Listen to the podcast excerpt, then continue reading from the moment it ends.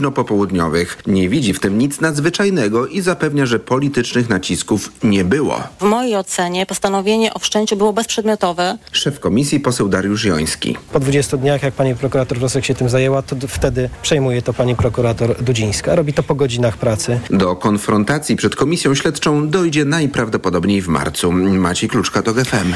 Wybory kopertowe, które ostatecznie do skutku nie doszły i tak kosztowały podatnika 70 milionów złotych. Rafał Trzaskowski i Mateusz Morawiecki są liderami sondażu prezydenckiego dla TOK FM i Okopres. Gdyby startowali w wyborach, głosy na nich oddałoby odpowiednio 26 i 24% ankietowanych. Trzeci jest Szymon Hołownia z 16% wynikiem. Zaraz za nim Krzysztof Bosak z Konfederacji z 10% poparciem. Listę polityków zamyka Agnieszka Dziemianowicz-Bąk z Lewicy. Zagłosowałoby na nią 4% badanych. A jedyny kandydat nie polityk, celebryta Krzysztof Stanowski zdobył 3% głosów. Absolutnym liderem tzw. Tak drugiego wyboru jest w sondażu Szymon Hołownia. Zagłosowałoby na niego 36% ankietowanych, gdyby w drugiej turze zabrakło ich kandydata. Więcej na temat sondażu dla TOK FM i Okopres piszemy na tokfm.pl. O większe wsparcie i broń apelował Wołodymyr Zełański podczas szczytu z liderami państw bałkańskich. Prezydent Ukrainy spotkał się z nimi w stolicy Albanii, o czym więcej Tomasz Orchowski. W Tyranie Zełański alarmował, że jego kraj ma problemy z dostawami amunicji. Przez to sytuacja na froncie jest coraz trudniejsza. Zaproponował zorganizowanie ukraińsko-bałkańskiego forum przemysłu obronnego. Dziś ważne jest, żebyśmy byli silni. Nie mamy czasu i nie mamy innej możliwości. Wszyscy zmagamy się teraz z zabójcą, kolejnym wcieleniem Hitlera. Hitler Part 2. Albania, Chorwacja, Czarnogóra i Macedonia Północna to członkowie NATO. Z kolei Serbia jest prorosyjska. Belgrad nie dołączył do sankcji na Moskwę. W szczycie wzięła też udział prezydent Mołdawii Maja Sandu, która ma problem z Naddniestrzem. Wczoraj tamtejsi separatyści zaapelowali do Rosji o ochronę. Tomasz Orchowski, TOK FM. Zełański ostrzegł, że Rosja będzie próbowała zdestabilizować sytuację we wszystkich krajach, które były kiedyś pod wpływem Związku Radzieckiego. Alarmujące dane z Brazylii o pożarach Puszczy Amazońskiej. Tylko w lutym naliczono rekordową liczbę 3000 pożarów w Amazonii. Jedną z głównych przyczyn jest długotrwała susza. Kolejne informacje w TOK FM o 7.20. Za chwilę poranek Radia TOK FM i Karolina Lewicka. Pogoda. Dziś w całym kraju sporo chmur. Deszcz pojawi się w centrum, na zachodzie i na krańcach południowo-zachodnich. 9 stopni pokażą termometry w Gdańsku i Białymstoku, do 10 w Warszawie, Łodzi i Szczecinie, 13 stopni w Poznaniu i Wrocławiu, 14 w Katowicach, Krakowie i Rzeszowie. Radio TOK FM. Pierwsze radio informacyjne. Poranek Radia TOK FM. Czwartkowy poranek w Radiu Tok FM. Dzień dobry, witam Państwa przy mikrofonie Karolina Lewicka. Będę z Państwem do dziewiątej i oczywiście będziemy mieli gości. Kolejno wicemarszałek Sejmu Piotr Zgorzelski, szef MSWiA Marcin Kierwiński, poseł do Parlamentu Europejskiego Jan Olbrycht, a po 8.20 oczywiście komentatorzy dr Anna Materska-Sosnowska i redaktor Kastor Kurzelewski będą z nami. A teraz czas już oczywiście na przegląd prasy i rozpoczniemy go od Rzeczpospolitej. Czołówka i sondaż przeprowadzony dla mm, właśnie Rzeczpospolitej przez Ibris. Pytanie brzmiało, czy pełna lista osób podsłuchiwanych za pomocą systemu Pegasus powinna zostać odtajniona i upubliczniona. I ponad 80% respondentów odpowiada, że i owszem domaga się upublicznienia nazwisk osób inwigilowanych, w tym aż prawie 58% zdecydowanie chciałoby mieć taką wiedzę. Jest za tym najwięcej sympatyków Koalicji Obywatelskiej, najmniej zaś Konfederacji, ale prawnicy przestrzegają. I tutaj Rzeczpospolita cytuje mm, mecenas Antoniego Kanie Sieniawskiego, który mówi tak: Nasze prawo na to dziś nie pozwala. Pójście na skróty byłoby bardzo niebezpieczne, szkodliwe i kosztowne, bo osoby te zaczęłyby pozywać państwo za bezprawną inwigilację. Natomiast dane o liczbie inwigilowanych Pegasusem ma podać w Sejmie Adam Bodnar, prokurator generalny, minister sprawiedliwości, co oczywiście już wcześniej minister zapowiadał w wywiadach medialnych. E, jeżeli chodzi o Rzeczpospolitą, to przenosimy się na stronę trzecią. E, tam informacje o tym, jak e, mogą wyglądać przyszłotygodniowe obrady Sejmu. Sejm zbiera się 6 marca, obrady potrwają do 8 marca i mm, co zapowiadał nasz dzisiejszy gość, zresztą kilka dni temu marszałek Piotr Zgorzelski, kwestie aborcyjne mają się w końcu pojawić w, podczas prac Izby Niższej. Michał Kolanko pisze, na najbliższym posiedzeniu Sejmu Sejm zajmie się wszystkimi projektami zgłoszonymi przez partie koalicji rządzącej dotyczące aborcji. Prace nad nimi w pierwszym czytaniu nie są jednak przesądzone. I jak mówi e, Szymon Hołownia, marszałek Sejmu, na razie moja propozycja jest taka, róbmy to na najbliższym posiedzeniu Sejmu, skoro nie jesteśmy w stanie umówić się na inne wspólne działanie. Aborcja i projekty dotyczące aborcji dzielą koalicję rządzącą. Lewica od wielu dni buduje polityczną presję na trzecią drogę na przyspieszenie procedowania projektów dotyczących aborcji. Konflikt na linii Włodzimierz Czarzasty, Szymon Hołownia był widoczny w ostatnich dniach. W koalicji nie było też zgody na tempo pracy nad projektami. Czy powinno to nastąpić przed, czy po wyborach samorządowych, które mają się odbyć 7 kwietnia tego roku? Lewica naciska na jak najszybsze prace. Ostatecznie zarówno marszałek Sejmu, jak i wicemarszałek Piotr Zgorzelski z PSL-u sugerowali, że prace nad wszystkimi projektami Lewicy, Trzeciej Drogi oraz Koalicji Obywatelskiej rozpoczną się w trakcie posiedzenia 6 marca. Nie ma jeszcze ostatecznej decyzji, mimo wcześniejszych deklaracji, że prace nad wszystkimi projektami jednak ruszą w tym przyszłym tygodniu. Nasi rozmówcy z koalicji rządzącej, pisze Rzeczpospolita, spodziewają się wniosków o odrzucenie projektu w pierwszym czytaniu ze strony Konfederacji czy Prawa i Sprawiedliwości. I jeszcze jedna informacja z tego artykułu. W ciągu najbliższych dni mają też zapaść decyzje dotyczące prac nad projektami dotyczącymi zmian w Trybunale Konstytucyjnym, ale jak się pewnie Państwo już zorientowali, od wielu tygodni mówimy, że na każdym kolejnym posiedzeniu Sejmu na przykład uchwały w sprawie sędziów dublerów w Trybunale Konstytucyjnym mają się rzekomo pojawić, a jak dochodzi do tego posiedzenia, to te uchwały się ostatecznie nie pojawiają.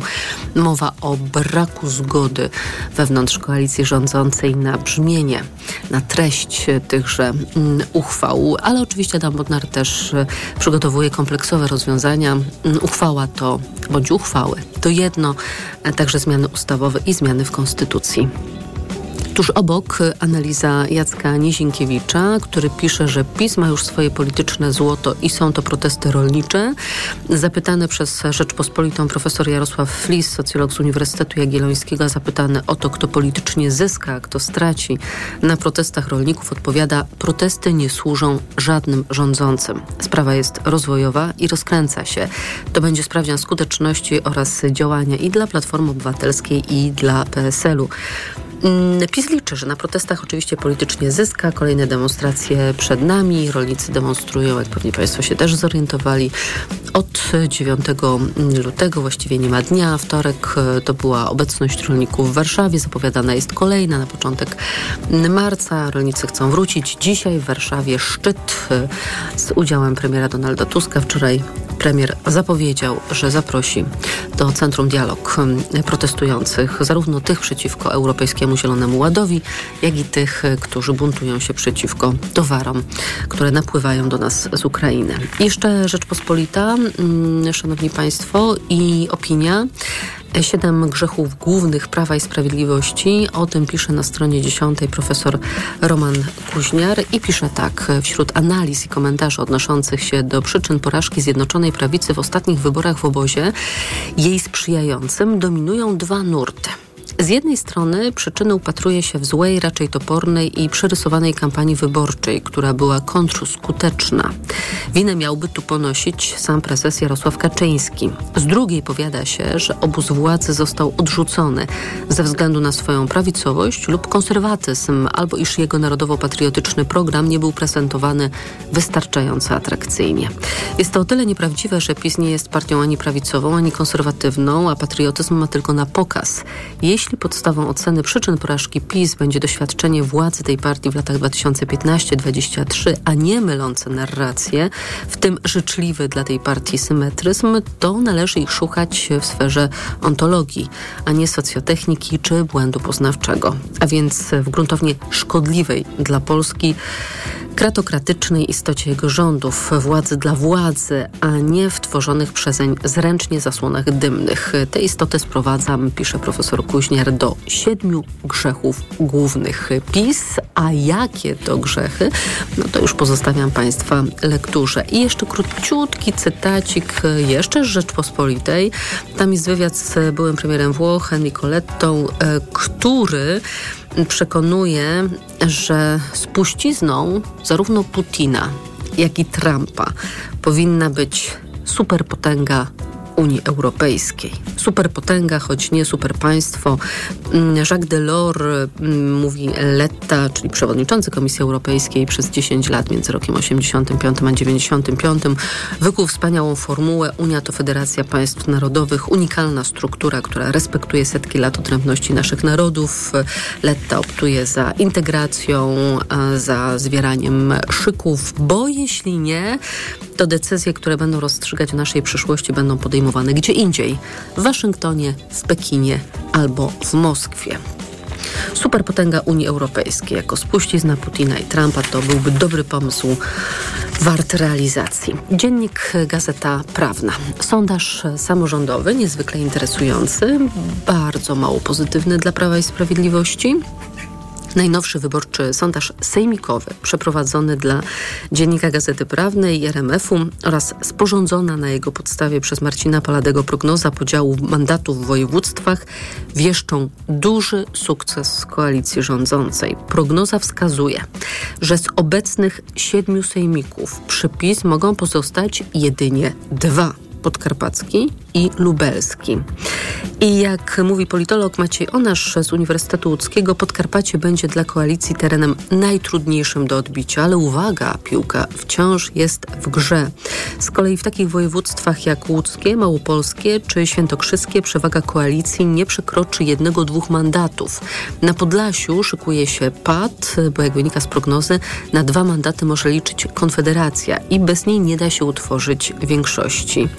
Jak komentuje mm, Maciej Onasz, najważniejszym czynnikiem jest wynik trzeciej drogi. Rośnie mocno rozgrywający, choć trzeba pamiętać, że jeden z jego członków, ugrupowanie Szymona Hołowni, jeszcze nie startował w wyborach samorządowych dla Polski 2050. To będzie weryfikacja kadr i struktur. No nie siedem, a dwa sejmiki to będzie bardzo bolesne dla ugrupowania Jarosława Kaczyńskiego. W Dzienniku Gazecie Prawnej polecam także wywiad z profesorem Adamem Gęćwiłem z Uniwersytetu Warszawskiego, ale także z Fundacji Batorego. To jest wywiad poświęcony pożytkom z decentralizacji państwa. Jak przekonuje profesor Gęćwił, państwo może być mocne, będąc zdecentralizowane. Więcej argumentów przemawia za tym, że to rozproszenie władzy powoduje, że państwo jest bardziej odporne na zagrożenia. Częściowo widać to teraz w Ukrainie. Siła ukraińskiej państwowości bierze się m.in. z tego, że Kijów przed pełnoskalową wojną zdołał przeprowadzić dużą reformę decentralizacyjną. Wzmocniono samorządy, część zadań publicznych przeniesiono na wspólnoty lokalne, rozłożono również zarządzanie kryzysowe. Nie ma więc sprzeczności między państwem silnym a państwem zdecentralizowanym. Gazeta Wyborcza. Kreml boi się żałoby. O tym przeczytamy na stronie trzeciej. Pogrzeb Aleksieja Nawalnego odbędzie się jutro w moskiewskiej cerkwi ikony Matki Bożej, przekazała rzeczniczka prasowa Nawalnego Kira Jarmysz. Rosyjskie służby zatrzymują osoby próbujące spontanicznie upamiętniać opozycjonistę.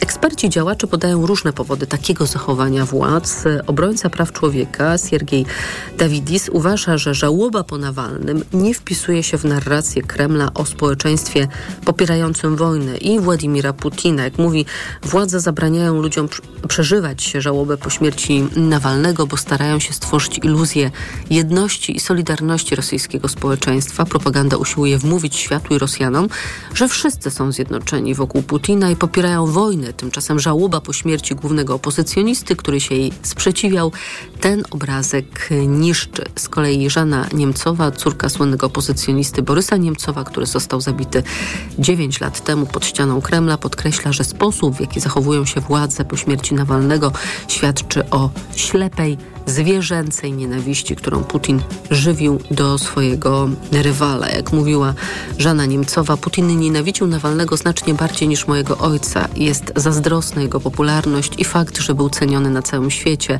A Putin wie, że jego tak naprawdę nikt nie szanuje, nie lubi. Na czołówce z kolei Gazety Wyborczej relacja z wczorajszego przebiegu mm, obrad przesłuchań Komisji Śledczej do spraw wyborów. Ewa Wrzosek i Edyta Dudzińska mm, zeznawały przed y, komisją, e, ponieważ te zeznania się ze sobą różnią, no to mm, będzie konieczna konfrontacja mm, prokuratorek. Przypomnijmy, że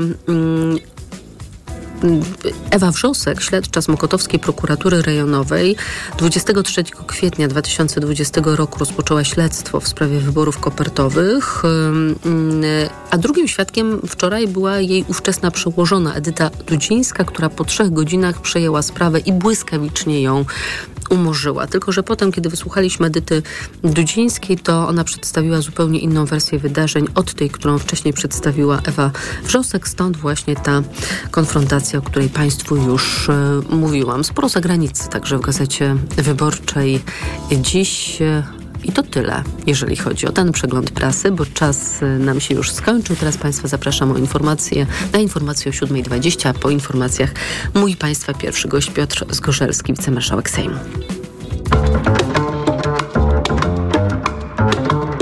Poranek Radia TOK FM. Reklama. RTV Euro AGD. Sensacja! Trwa Euro Super Days, a w nich jeszcze tylko dzisiaj super rabaty na produkty objęte promocją. Kuchnia gazowo-elektryczna Amika, czyszczenie parowe. Najniższa teraz ostatnich 30 dni przed obniżką to 1399. Teraz za 1299 zł.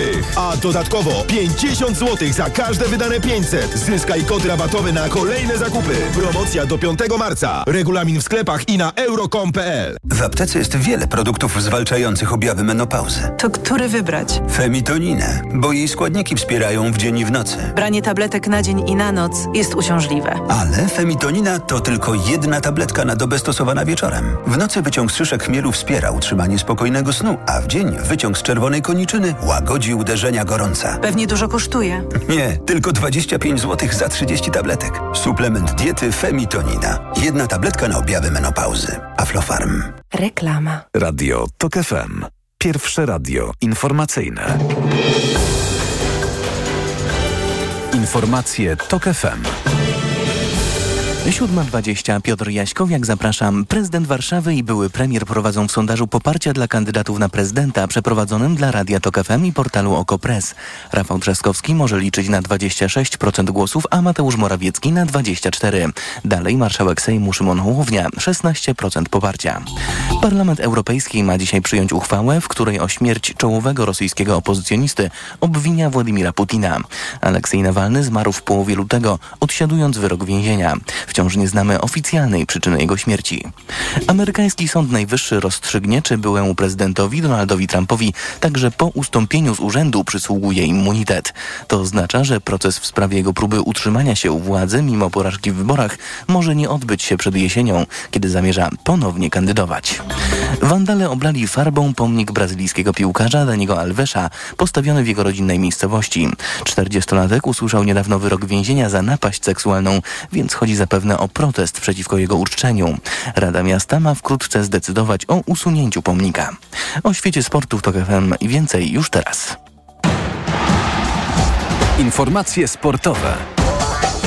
Przemysław Pozowski, zapraszam. Hubert Hurkacz awansował do ćwierćfinału turnieju w Dubaju. Najlepszy polski tenisista wygrał z Australijczykiem Christopherem O'Connellem 7-6-6-4 i półfinał zagra dziś wieczorem z Francuzem Hugo Humbertem. Będzie to mój czwarty ćwierćfinał i będę walczył e, o półfinał z Hugo Humbertem, z którym już grałem dwa mecze w tym roku. Jedno spotkanie wygrałem, kolejne jemu udało się zrewanżować, więc e, cieszę się na szansę rewanżu i dam na pewno z siebie wszystko. Tytułu w Dubaju broni Daniel Miedwiediew. Polskie piłkarki ręczne od porażki rozpoczęły walkę o awans na Mistrzostwa Europy, które odbędą się na przełomie listopada i grudnia. Biało-czerwone przegrały w Lubinie z faworytkami grupy Dunkami 22 do 26, mówi kapitanka naszej kadry Monika Kobylińska. Jesteśmy dumne z tego e, spotkania. Ja za siebie na pewno mogę to powiedzieć. E, Oczywiście w każdym meczu walczy się o zwycięstwo, ale e, ja myślę, że właśnie po spokojnych kilku godzinach, czy jak to przeanalizujemy i zdamy sobie sprawę też, jak dobrym rywalem jest Dania, to myślę, że to, co dzisiaj pokazałyśmy, to naprawdę wysoki poziom piłki ręcznej, więc to cieszy. Polki w grupie eliminacyjnej będą rywalizować także z Kosowem. Na mistrzostwa awansują dwie z tych trzech ekip. Piłkarze we włoskiej Serie A nadrabiali wieczorem zaległości. Inter pokonał w Mediolanie Atalantę Bergamo aż 4 do 0. Zwycięstwo odniosło też Napoli, które wgrał na wyjeździe z Sassuolo 6 do 1. W tym drugim spotkaniu trzy gole strzelił Wiktor Osimena. Piotr Zieliński wszedł na boisko na ostatnie kilkanaście minut. W tabeli Serie A prowadzi Inter, który ma już 12 punktów przewagi nad Juventusem. Obrońcy tytułu z Neapolu są dopiero na dziewiątym miejscu. Southampton w składzie z Janem Bednarkiem przegrał na wyjeździe z Liverpoolem 0 do 3 w 1-8 finału piłkarskiego Pucharu Anglii. Awans do ćwierćfinału wywalczyły także Chelsea, Manchester United i Wolverhampton. Puchar Anglii to najstarsze rozgrywki piłkarskie na świecie. W tym roku minął 152 lata od ich pierwszego finału. W sporcie teraz to wszystko. Za chwilę jeszcze pogoda.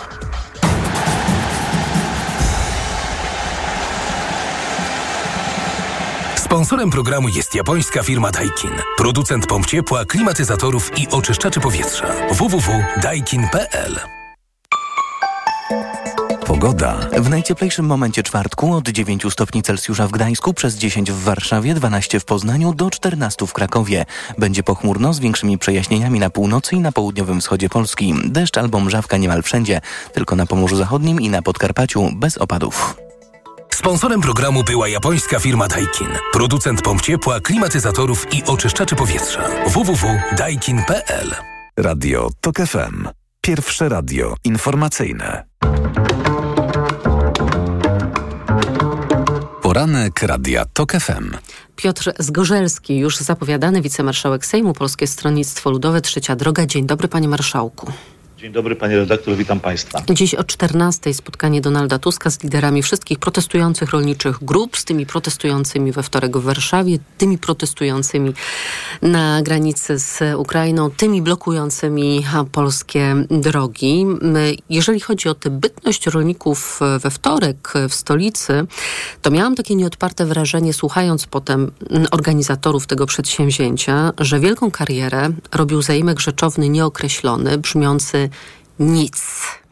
Bo Szczepan Wójcik mówił tak, po spotkaniu z Szymonem Hołownią, w którym to spotkaniu zresztą pan ten też uczestniczył. Nie mamy nic konkretnego poza obietnicą stworzenia grup roboczych. A po spotkaniu z Janem Grabcem, to już w kancelarii premiera, Szczepan Wójcik mówił, do 7 marca rząd obiecał, że przedstawi konkrety, ale teraz nie mamy nic. No to co będzie dziś o 14 w Centrum Dialog zaprezentowane rolnikom? Bo chyba nie nic.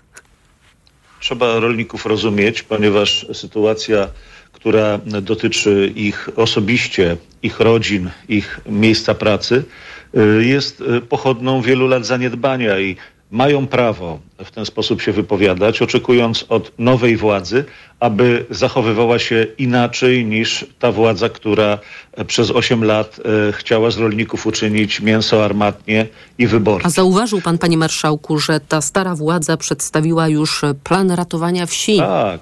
Tak, tak, to jest bardzo cyniczne. Widzę, jak bardzo angażuje się Solidarność, ta główna z panem Piotrem Dudą, który zawsze jest gotowy wspierać Prawo i Sprawiedliwość. Tymczasem ja jestem e, bardzo e, pozytywnie mm, e, uniesiony tą sytuacją, w jaki sposób my potrafimy z rolnikami rozmawiać. Zaangażowanie Grunt to osobiste. samo zadowolenie. Gratuluję. No, pani redaktor, pewnie trochę tutaj sarkazmu w tym pani stwierdzeniu, ale No ja e, widzę, ja, Ja? widzę, Sarkazm? widzę, widzę ro, ro, różnicę pomiędzy tym, jak rolnicy byli traktowani za Prawa i Sprawiedliwości, a jak są teraz. Osobiste zaangażowanie ministra Czesława Siekierskiego, niezwykle kompetentnego e, polityka, który wykorzystuje swoje dobre relacje w Komisji Europejskiej, wszak był przewodniczącym Komisji Rolnictwa w parlamencie, e, negocjuje skutecznie przede wszystkim e, e, uproszczenie i ograniczenie e, nieracjonalnych wymogów Zielonego Ładu.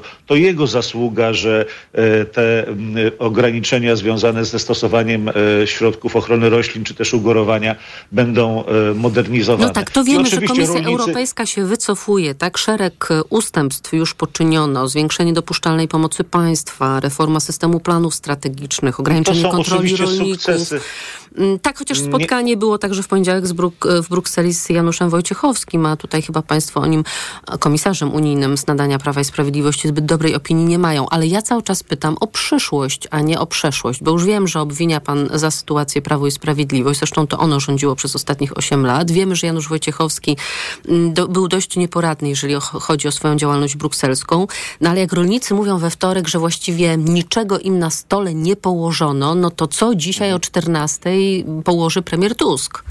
Ale ja, panie redaktor, nie mówiłem o przeszłości, tylko o tych zmianach dotyczących Zielonego Ładu, które wy, y, będą oddziaływały korzystnie dla rolników. To jest coś do przodu, co konkretnie uzgodnił minister Siekierski. No Jeśli to zaś prawda, ale słyszał pan we wtorek rolników, Słyszałem. którzy skandowali dość Zielonego Ładu. Tak naprawdę chcieliby tak. wyrzucić cały Europejski Zielony Ład na śmietnik historii. Jeśli pani pozwoli, to w kilkudziesięciu sekundach zrelacjonuję spotkanie w Sejmie. Bo oczywiście rolnicy później wyszli i powiedzieli, że nic nie uzyskali. W Sejmie była dobra rozmowa z przedstawicielami wszystkich strajkujących rolników, protestujących. Było ich 17 osób. To byli także przedstawiciele izb rolniczych, ale także organizacji związkowych. Mówili oczywiście o Zielonym Ładzie. Nawet jeden z y, gości pana marszałka Hołowni powiedział, że należy zamknąć cały rozdział związany z Zielonym Ładem, a w Polsce wprowadzić coś, co jest przyjazne dla środowiska, dla wsi, dla tych, którzy kupują żywność i nazwać to chłopskim ładem. I takim y, uzyskiem politycznym z tego spotkania, być może panowie uznali, że to jest za mało, było to, że pan marszałek Hołownia zobowiązał się wraz ze mną, że w Sejmie zorganizujemy okrągły stół wokół spraw e, rolniczych. Dzisiaj słyszymy o 14 spotyka się e, pan premier Donald Tusk. Pewnie co do tego nie mam wątpliwości, towarzyszyć mu będzie minister Siekierski. No właśnie, bo w ogóle wcześniej, zanim to premier ogłosił, to miało być dzisiaj to spotkanie z ministrem Siekierskim właśnie, więc jak rozumiem, te dwa spotkania zostaną połączone w jedno Tak, to spotkanie. pokazuje, jak bardzo ważny dla polskiego rządu jest to, aby rolnicy e, zakończyli swój protest, uzyskali e, zapewnienie albo nawet już realizację pewnych postulatów, wrócili do domu, bo przecież wszyscy wiemy, że proces biologiczny nie będzie czekał na rozwiązania polityczne, tylko po prostu No w pole rolnicy trzeba muszą, będzie wyjechać za muszą chwilę, ruszyć prawda? w pole. Więc wiemy o co chodzi. Chodzi przede wszystkim o te uproszczenie i ograniczenie e, nieracjonalnych wymogów Zielonego Ładu i to się stało. Chodzi o ograniczenie nadmiernego napływu towarów z Ukrainy i moim zdaniem e, pan premier Tusk może e, dosyć e, mocno i kategorycznie powiedzieć, że ta granica może być zamknięta. Dla towarów, E, tak, z Bo, Ukrainy. bo Ukrainie, Ukrainie trzeba pomagać, co do tego nikt nie ma wątpliwości, ale z uwzględnieniem interesów i sytuacji polskich rolników, prawda? No nie i musimy czekać, rzecz, panie marszałku, na to, aż Donald Tusk powie o tym zamknięciu granicy, bo już wczoraj powiedział, nie będę tu odkrywał jakiejś tajemnicy, że rozmawiamy Mhm. także ze stroną ukraińską o czasowym zamknięciu granicy i wymianie, w ogóle zamknięciu wymiany towarowej, ale to, A to jak jest rozumiem... najważniejszy postulat, moim zdaniem, jeśli chodzi o rolników, oprócz tego postulatu, który dotyka ich A indywidualnie. jakie to będzie czyli- miało konsekwencje dla stosunków polsko-ukraińskich? Bo widzimy takie zaostrzenie chyba relacji między samym Tuskiem i Zełęńskim, między Kijowem a Warszawą na tym gruncie. To jest y, część y, dyplomacji, która y, musi być przeprowadzona w ten sposób, żeby, tak jak powiedziałem na początku, nie mm, tracić z pola widzenia interesów polskich rolników, ale jednocześnie nie zrywać relacji z Ukrainą, która walczy także za naszą wolność. Pamiętajmy, panie redaktorze, że my jesteśmy na widelcu Putina wraz z krajami nadbałtyckimi zaraz po Ukrainie.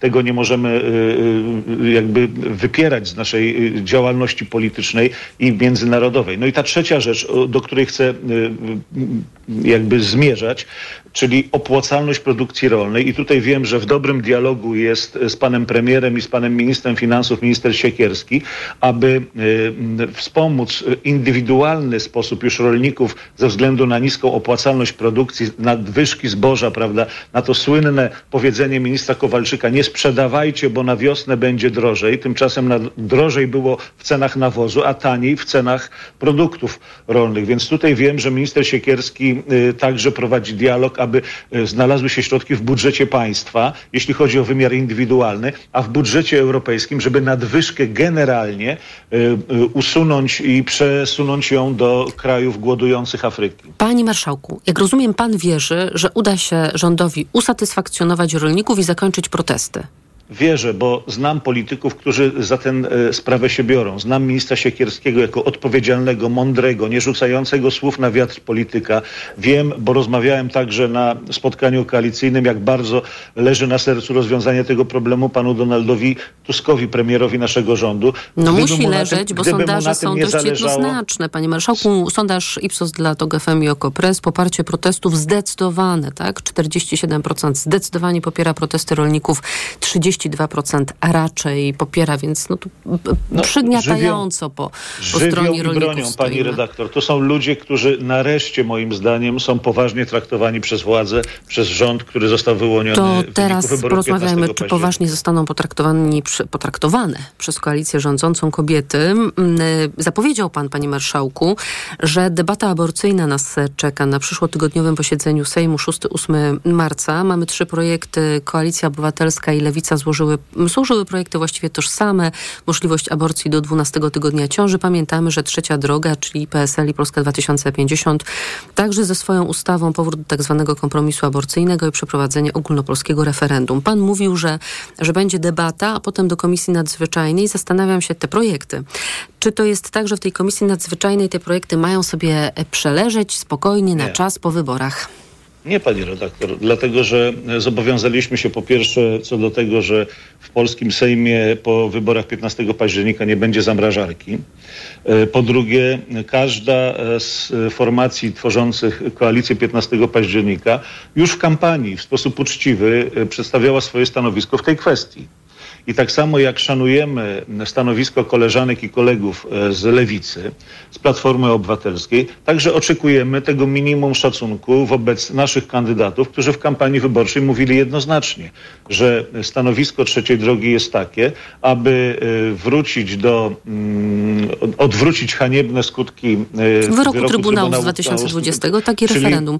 Tylko, że teraz nie ma referendum. zgody, jak rozumiem, w koalicji ma. rządzącej ani dla jednego rozwiązania tego dającego możliwość aborcji do 12 tygodnia, ani nie ma zgody na Panie referendum. redaktor, Nie ma, jest, ale jesteśmy tutaj uczciwi i jesteśmy tutaj bardziej wobec obywateli uczciwsi niż zrobiło to Prawo i Sprawiedliwość, które bało się przeprowadzić ten projekt swój w Sejmie i przerzuciło gorący kartofel do Trybunału Konstytucyjnego. Ale ta Propozycja, państwa polityczna uczciwość nie zabezpieczy praw kobiet w Polsce. A może się okaże, że zabezpieczy. Może się okaże, że sprawozdanie, które wyjdzie z Komisji Nadzwyczajnej będzie tym sprawozdaniem, które y, w jakiś sposób y, zaspokoi przede wszystkim oczywiście oczekiwania kobiet. Bo A to jak nie? kobiety, jeżeli, jeżeli kobiety, pani redaktor, jeżeli mówimy, że w tej sprawie powinny decydować kobiety, no to y, bądźmy uczciwi. W Sejmie kobiet jest 30%, a w populacji ponad 53%. Więc jeżeli chcemy, żeby kobiety decydowały, to na Boga, chyba większy odsetek kobiet jest w populacji, czyli do No, ale referendum. do referendum pójdą wszyscy. Nie No, tylko a w kobiety Sejm- w wieku a w- rozrodczym. Tak, a w Sejmie, pani redaktor, jest 29% kobiet, a reszta to są mężczyźni. Więc nie mówmy, że oddajemy decyzję kobietom, bo poddając ustawę pod głosowanie w Sejmie, oddajemy ją de facto mężczyznom. No ale mówimy o prawach e, człowieka, jak mówią kobiety. Tak, mówimy o prawach człowieka i dlatego też I mężczyźni w chyba tej... są w stanie to zrozumieć. I mężczyźni są w stanie to zrozumieć i dlatego potrzebna jest uczciwa debata z panelami ekspertów, z wysłuch- z wysłuchaniem publicznym, aby można było ten temat przepracować, a nie go tylko przegłosować. Ja mam wrażenie, że ten temat jest przepracowywany już od tylu, tylu lat. Panie Marszałku, dziękuję. Piotr Zgorzelski, wicemarszałek Dziękuję. Sejmu, Polskie Miłego Stronnictwo dnia. Ludowe, Trzecia Droga. Również życzymy miłego dnia. Ja Państwa zapraszam na informacje. Poranek Radia TOK FM. Reklama. RTV Euro AGD. Sensacja! Trwa Euro Super Days, a w nich jeszcze tylko dzisiaj super rabaty na produkty objęte promocją. A dodatkowo zyskaj kod rabatowy na kolejne zakupy. 50 zł za każde wydane 500 na cały asortyment z wyłączeniem produktów Apple, przedsprzedaży kart podarunkowych, sprzedaży towarów z dokumentem tax-free i usług. Promocja do 5 marca. Szczegóły i regulamin w sklepach i na euro.com.pl. Mega, mega, mega, mega, mega, mega, Marian, co mega... ty robisz? Wabię okazję, Barbara. O, patrz, w Media Expert są. Mega okazje w Media Expert. Na przykład laptop gamingowy Dell G15, Intel Core i5. Najniższa cena z ostatnich 30 dni przed obniżką 4899 zł 99 groszy. Teraz za jedyne 4299 z kodem rabatowym taniej aż o 600 zł. Jako dietetyk na wątrobę zawsze polecam Proliver, ponieważ zawiera składniki wspierające właściwą pracę wątroby. Często ze względu na dietę, wiek czy masę ciała zwracam uwagę na poziom cukru we krwi. Wtedy proponuję nowość Proliver Diabeto. Suplement diety Proliver Diabeto dba o wątrobę, a dodatkowo zawiera wysoką dawkę morwy białej, która przyczynia się do utrzymania prawidłowego poziomu cukru. Stosując Proliver Diabeto osiągamy obie te ważne korzyści. Proliver Diabeto, zdrowa wątroba i prawidłowy poziom cukru. Aflofarm. Wyciąg z liści garczocha wspiera utrzymanie zdrowej wątroby. Populacja rysia już nie istnieje. Odtwórz ją. Przykro mi, nie umiem odtwarzać zwierząt i ekosystemów. Sztuczna inteligencja nie może uratować dzikich zwierząt i ginących krajobrazów, ale ty możesz. Przekaż 1,5% podatku WWF Polska. Chcesz mieć jeszcze więcej frajdy, miejsca i unikatowego designu? Poznaj największe w historii Mini. Mini Countryman. Możesz mieć już od 1490 zł netto miesięcznie w leasingu dla firm. W cenie m.in. automatyczna skrzynia biegów, reflektory LED, nawigacja i asystent parkowania z kamerą. Wejdź na www.mini.com.pl, skonfiguruj i zamów swoje Mini lub odwiedź najbliższy salon. Zapraszamy na jazdę próbną. Mini Countryman. Jeszcze większa frajda z jazdy. Meble, ceramika, plakaty, ekokosmetyki, biżuteria, tekstylia i produkty dla dzieci. Pierwsza edycja targów Rzeczy Ładnych TREU Poznań. Już 2 i 3 marca. Międzynarodowe Targi Poznańskie, Pawilon 3. Bilety w kasach i na e-bilet.pl. W aptece jest wiele produktów zwalczających objawy menopauzy. To który wybrać? Femitoninę, bo jej składniki wspierają w dzień i w nocy. Branie tabletek na dzień i na noc jest uciążliwe. Ale femitonina to tylko jedna tabletka na dobę stosowana wieczorem. W nocy wyciąg z szyszek chmielu wspiera utrzymanie spokojnego snu, a w dzień wyciąg z czerwonej koniczyny łagodzi uderzenia gorąca. Pewnie dużo kosztuje. Nie, tylko 25 zł za 30 tabletek. Suplement diety Femitonina. Jedna tabletka na objawy menopauzy. Aflofarm. Zakupy robię w Lidlu, po to się opłaca. Już od czwartku. Jabłka czerwone luzem, cena przed obniżką 2,99. A teraz aż 40% taniej. Tylko złoty 79 za kilogram. Tak, aż 40% taniej, tylko złoty 79 za kilogram. Ser Gouda w kawałku Pilos, tylko 14,99 za kilogramowe opakowanie. Tak, tylko 14,99 za kilogramowe opakowanie. Dla takich oszczędności. Zakupy robię w Lidlu. Czas na misję więcej za mniej.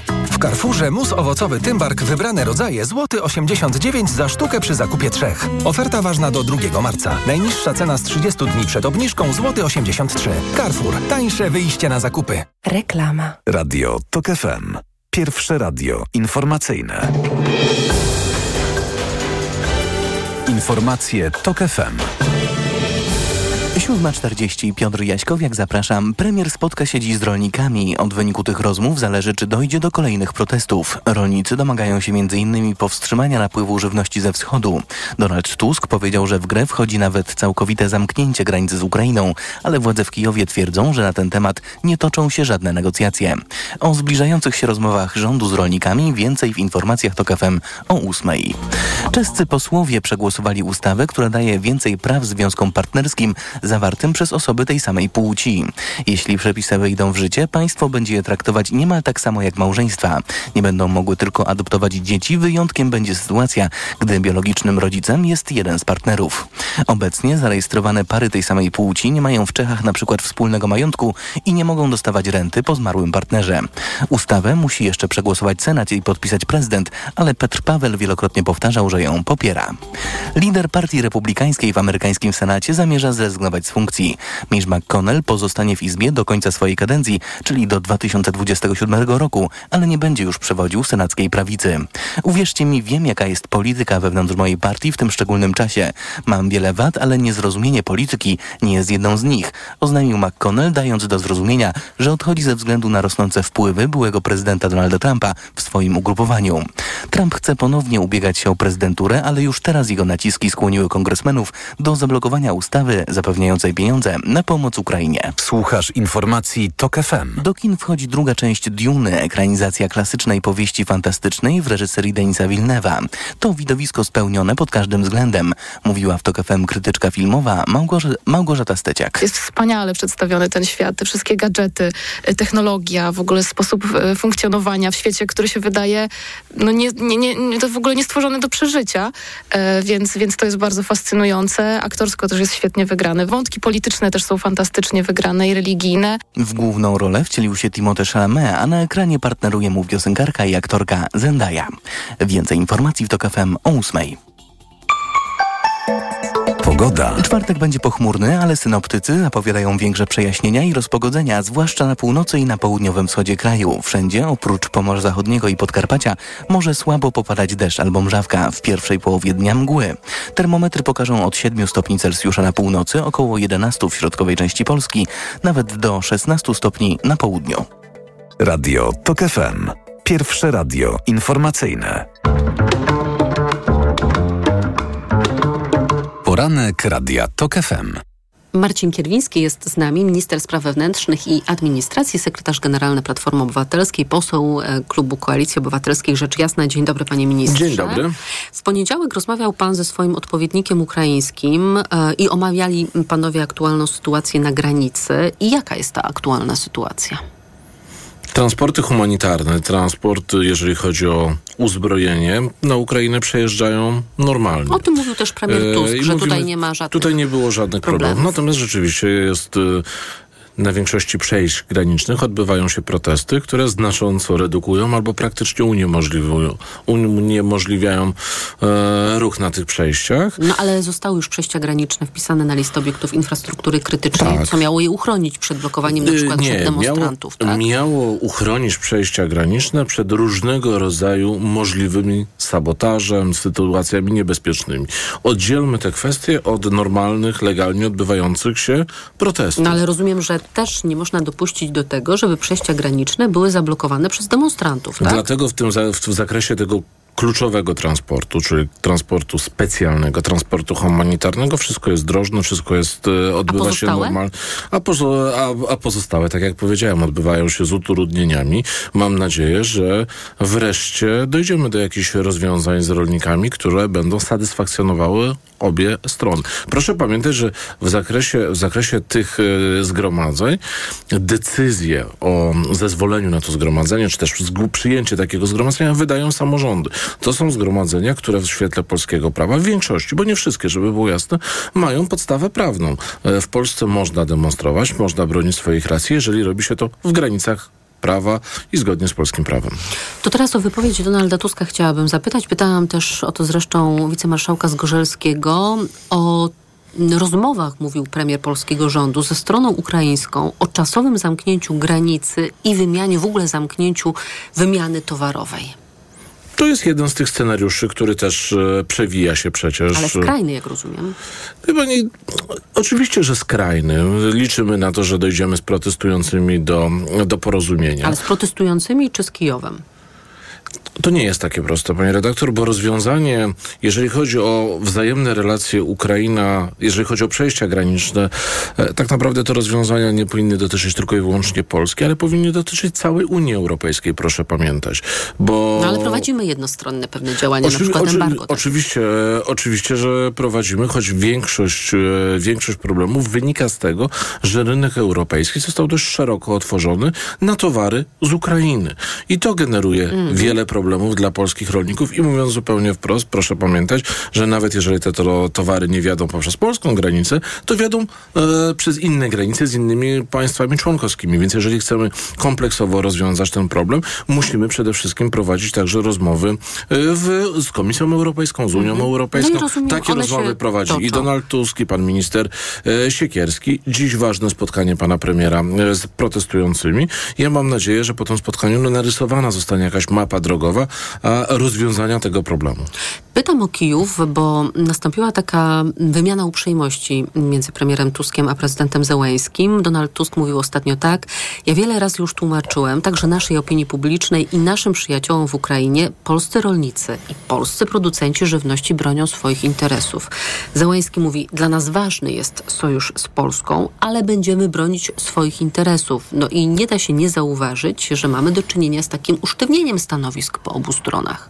Nie, nie mam wrażenia, że to jest u, usztywnienie No stanowisk. jak? Nie, panie redaktor, proponuje panie- spotkanie panie- rządów panie- na granicy, Tusk mówi, że nie.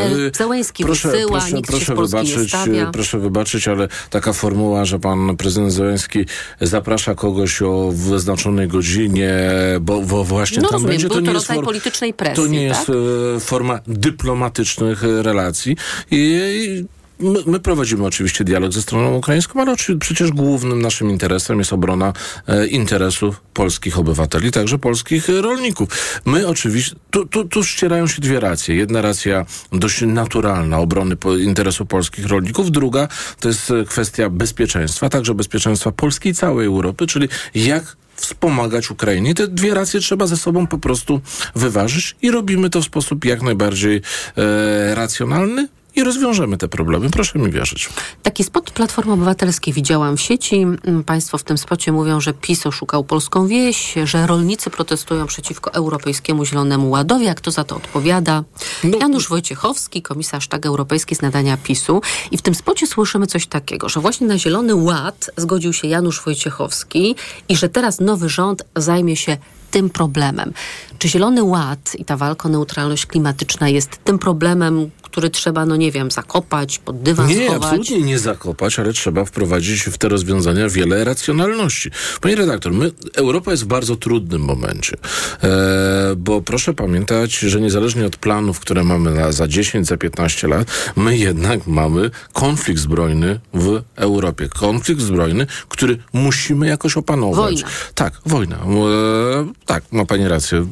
Nie ma co delikatnie tego nazywać. E, I e, dziś wszelkie rozwiązania, które mają rozwiązywać nasze problemy, także klimatyczne za 15 czy 20 lat, nie mogą wstać w sprzeczności z interesami e, w tym krótkim terminie, czyli wzmocnieniem Ukrainy, wzmacnianiem własnego bezpieczeństwa, z obroną interesów obywateli Unii Europejskiej. E, Rozwiązania, które zaproponował pan Wojciechowski, który oszukał rolników, trzeba to bardzo jasno powiedzieć, idą w niektórych kwestiach za daleko i warto o tym na poziomie Komisji Europejskiej rozmawiać i będziemy o tym rozmawiać, bo dziś sprawą najbardziej, najbardziej taką najpilniejszą to jest kwestia zapewnienia bezpieczeństwa, zapewnienia bezpieczeństwa Europy, a potem dopiero planowanie tego, co będzie za 15 czy 20 lat.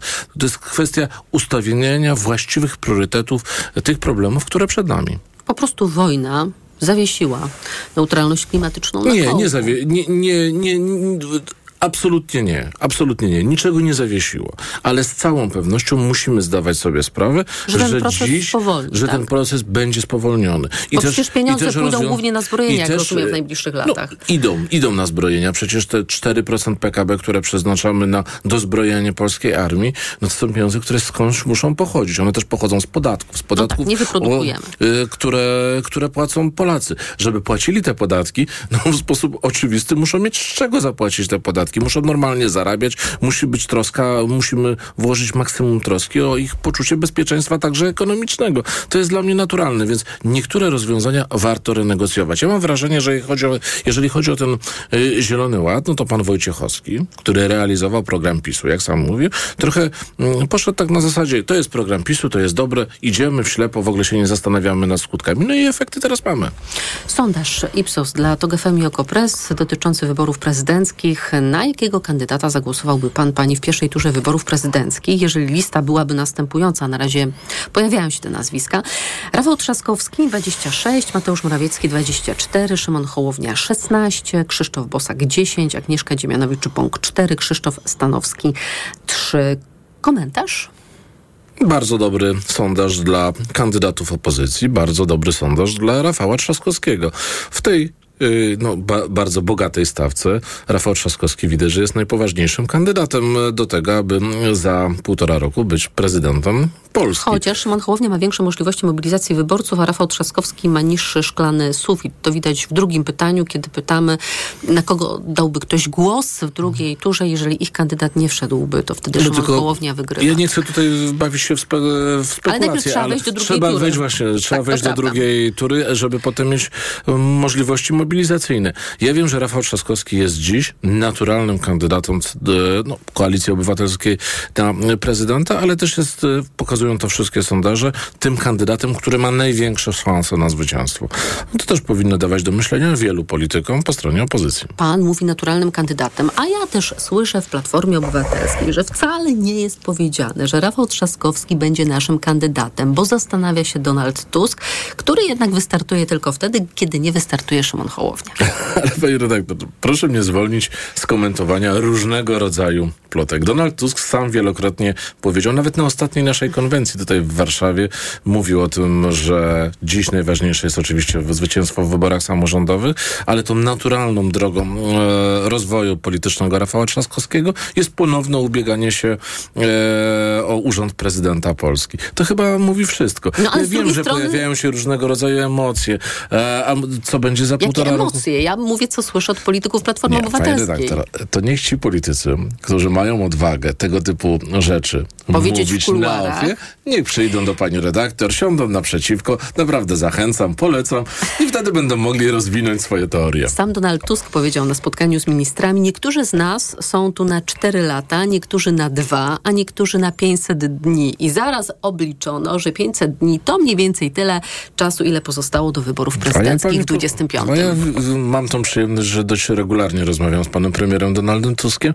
I wie pani, jak y, pan premier y, proponował mi objęcie funkcji ministerialnej w jego rządzie, z czego jestem bardzo dumny, to nie, nie, nie mówił mi, będziesz ministrem miesiąc, dwa miesiące, pięć miesięcy, y, dwa lata czy cztery lata. Mówił, ma, jest robota do zrobienia, będziesz ją dobrze wykonywał, to, to, to będziesz, y, to, to będziesz ministrem. Jak zdarzą się takie, mm, takie wydarzenia, a w polityce zawsze mogą się zdarzyć, że coś pójdzie nie tak, to nie będziesz. Każdy z nas ma kontrakt na następny dzień. Myślimy o tym, jak do, oczywiście zbudować... Jak dotrwać. Nie, nie. jak Do tego dotrwać. następnego Jak dnia. realizować program e, Koalicji Obywatelskiej, ale nikt z nas na pewno nie ma takiej gwarancji, że będzie, nie wiem, na dwa lata czy na cztery lata. Każdy ma gwarancję tego, że musi wykonywać ciężko swoją robotę. Wiceminister Sprawiedliwości Maria Eichhardt mówi tak. Uchwały dotyczące Trybunału Konstytucyjnego są gotowe. No i kiedy one ujrzą światło Szybko. dzienne? Szybko, ale to o, będzie to decyzja. słyszymy już od kilku tygodni. No tak, e, to będzie decyzja pana, pana ministra Bodnara. Proszę pamiętać, że tego sprzątania w wymiarze sprawiedliwości jest bardzo, bardzo dużo. Niektóre procesy muszą następować po sobie.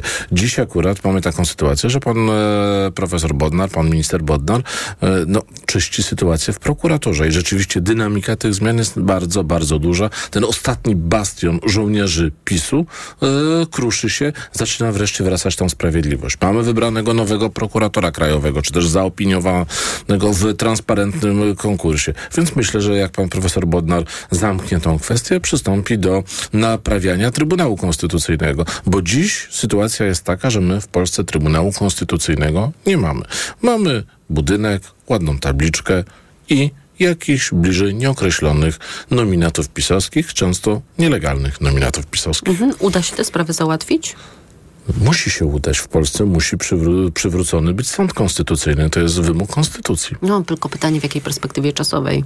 Panie redaktor, ale przecież um, i ja wiem, bo ja, ja zresztą bardzo często to odczuwam, jeżeli chodzi o zmiany, które zachodzą w policji. I ja wiem, że chcielibyśmy, mówię o wyborcach e, opozycji, o tych ludziach, którzy... Już zaraz. Tak, którzy głosowali 15 października na opozycję, że chcieliby, i to naturalne, że wszelkie zmiany będą natychmiast i zaraz. I bardzo dobrze, że jest taka determinacja w wyborcach. Natomiast są procesy, które będą trwały niektóre dni, niektóre tygodnie, a niektóre miesiące. No trzeba to sobie bardzo jasno powiedzieć. Do sprzątania po PiSie jest bardzo, bardzo wiele. Wie pani, jak ja e, wszedłem do Ministerstwa Spraw Wewnętrznych i Administracji... To bał się pan szafę otworzyć. Może nie aż tak. Natomiast e, jedno było dla mnie oczywiste, że każdego dnia dowiadywałem się, e, im, dłu- im, im więcej roboty trzeba będzie, żeby to wszystko posprzątać. Te moje niektóre założenia, które mówiły, a zrobię, nie wiem, zrobię audyty, audyty dwa, trzy tygodnie w niektórych kwestiach, tych bulwersujących kwestiach. Już 4,5 miesiąca. Od Dlaczego- wyborów. Dlaczego 4,5? Znaczy od wyborów, Nie, a od przejęcia władzy Ja trochę akurat mniej. jestem, jeżeli chodzi, Dwa. jeżeli chodzi o mm, tempo tych audytów, jestem bardzo zadowolony. Natomiast jasno, że chciałbym, żeby, te, żeby kompleksowy taki audyt wszystkich tych głośnych spraw, bulwersujących spraw, żeby zakończył się jak najszybciej, ale też są jakieś możliwości, są jakieś środki. Robimy to w najlepszym możliwym tempie, y, jeżeli chodzi o te możliwości, które mamy. Ilu policjantów panu brakuje w skali kraju? No, to są znaczące, znaczące liczby wakatów. y, Ponad 10%. Trzeba to bardzo jasno powiedzieć. Najgorzej jest tutaj, jeżeli chodzi o garnizon stołeczny. To jest sm- smutna spuścizna e, pana Kamińskiego i pana Wąsika. I mówi pan, panie ministrze, że pańskim celem jest, cytuję, zachęcenie ludzi do tego, by chcieli wstępować w szeregi formacji. Tak, Jak i to zrobić? No, zrobiliśmy już kilka ważnych ruchów. Pierwszy ruch to podwyżki. Podwyżki dla całej sfery budżetowej, w tym dla funkcjonariuszy. To po, praca w policji, w straży pożarnej, Musi się straży granicznej musi się tak? opłacać. Ona musi dawać to bezpieczeństwo bytowe. On, I tak te podwyżki, żeby było jasne, one wyrównują, e, wyrównują to, co ludzie stracili przez 8 nieudolnych lat rządów PiSu. To jest pierwsza kwestia. Druga kwestia to jest przywrócenie autorytetu e, służbie i takiego prestiżu z tego, że pracuje się w służbie państwowej. E, już policja nie służy do ochrony imprez pana Kaczyńskiego. Czyli odbudowa wizerunku. Tak, odbudowa wizerunku. Temu też Ale rozumiem, że to też nie jest poniedziałku dokonują. na wtorek, prawda? Osiem lat policja była de dewastowana przez polityków PiSu. Osiem lat e, nominacje, które, z którymi mieliśmy do czynienia, to były nominacje polityczne. Wie pani, ja rozmawiałem, no to mnie zaskoczyło. Ja rozmawiałem z wieloma funkcjonariuszami, także tymi, którzy odeszli do cywila. I jak pierwszy raz jeden z funkcjonariuszy, oficer, e, był u mnie na rozmowie, opowiedział mi, jak, jak przebiegała jego rozmowa z pewnym ministrem PiSu, który nadzorował policję. I rozmowa po, polegała na tym, że zapytano się go, jaki jest jego stosunek do, do katastrofy smoleńskiej. Użyto innego słowa. Ja Mhm. mówię katastrofy, bo przecież wiemy, że to katastrofa, a wiemy, że politycy PiSu... Mówią, że zamach. Te, ja tak, tak za pierwszym razem myślę, e, to jakaś słabość dnia tego ministra, który zresztą znany jest z tego, że ma słabsze dni y, często. Ale potem ta rozmowa potwierdziła się dwa albo trzy razy. No jeżeli taki był, takie kryterium było doboru kadr w policji, no to co się dziwimy, że mamy dzisiaj tak gigantyczny problem. Marcin Kierwiński, minister spraw wewnętrznych i administracji, poseł Koalicji Obywatelskiej, sekretarz generalny Platformy Obywatelskiej. Panie ministrze, dziękuję za Bardzo dziękuję. A państwa zapraszam na informacje o ósmej.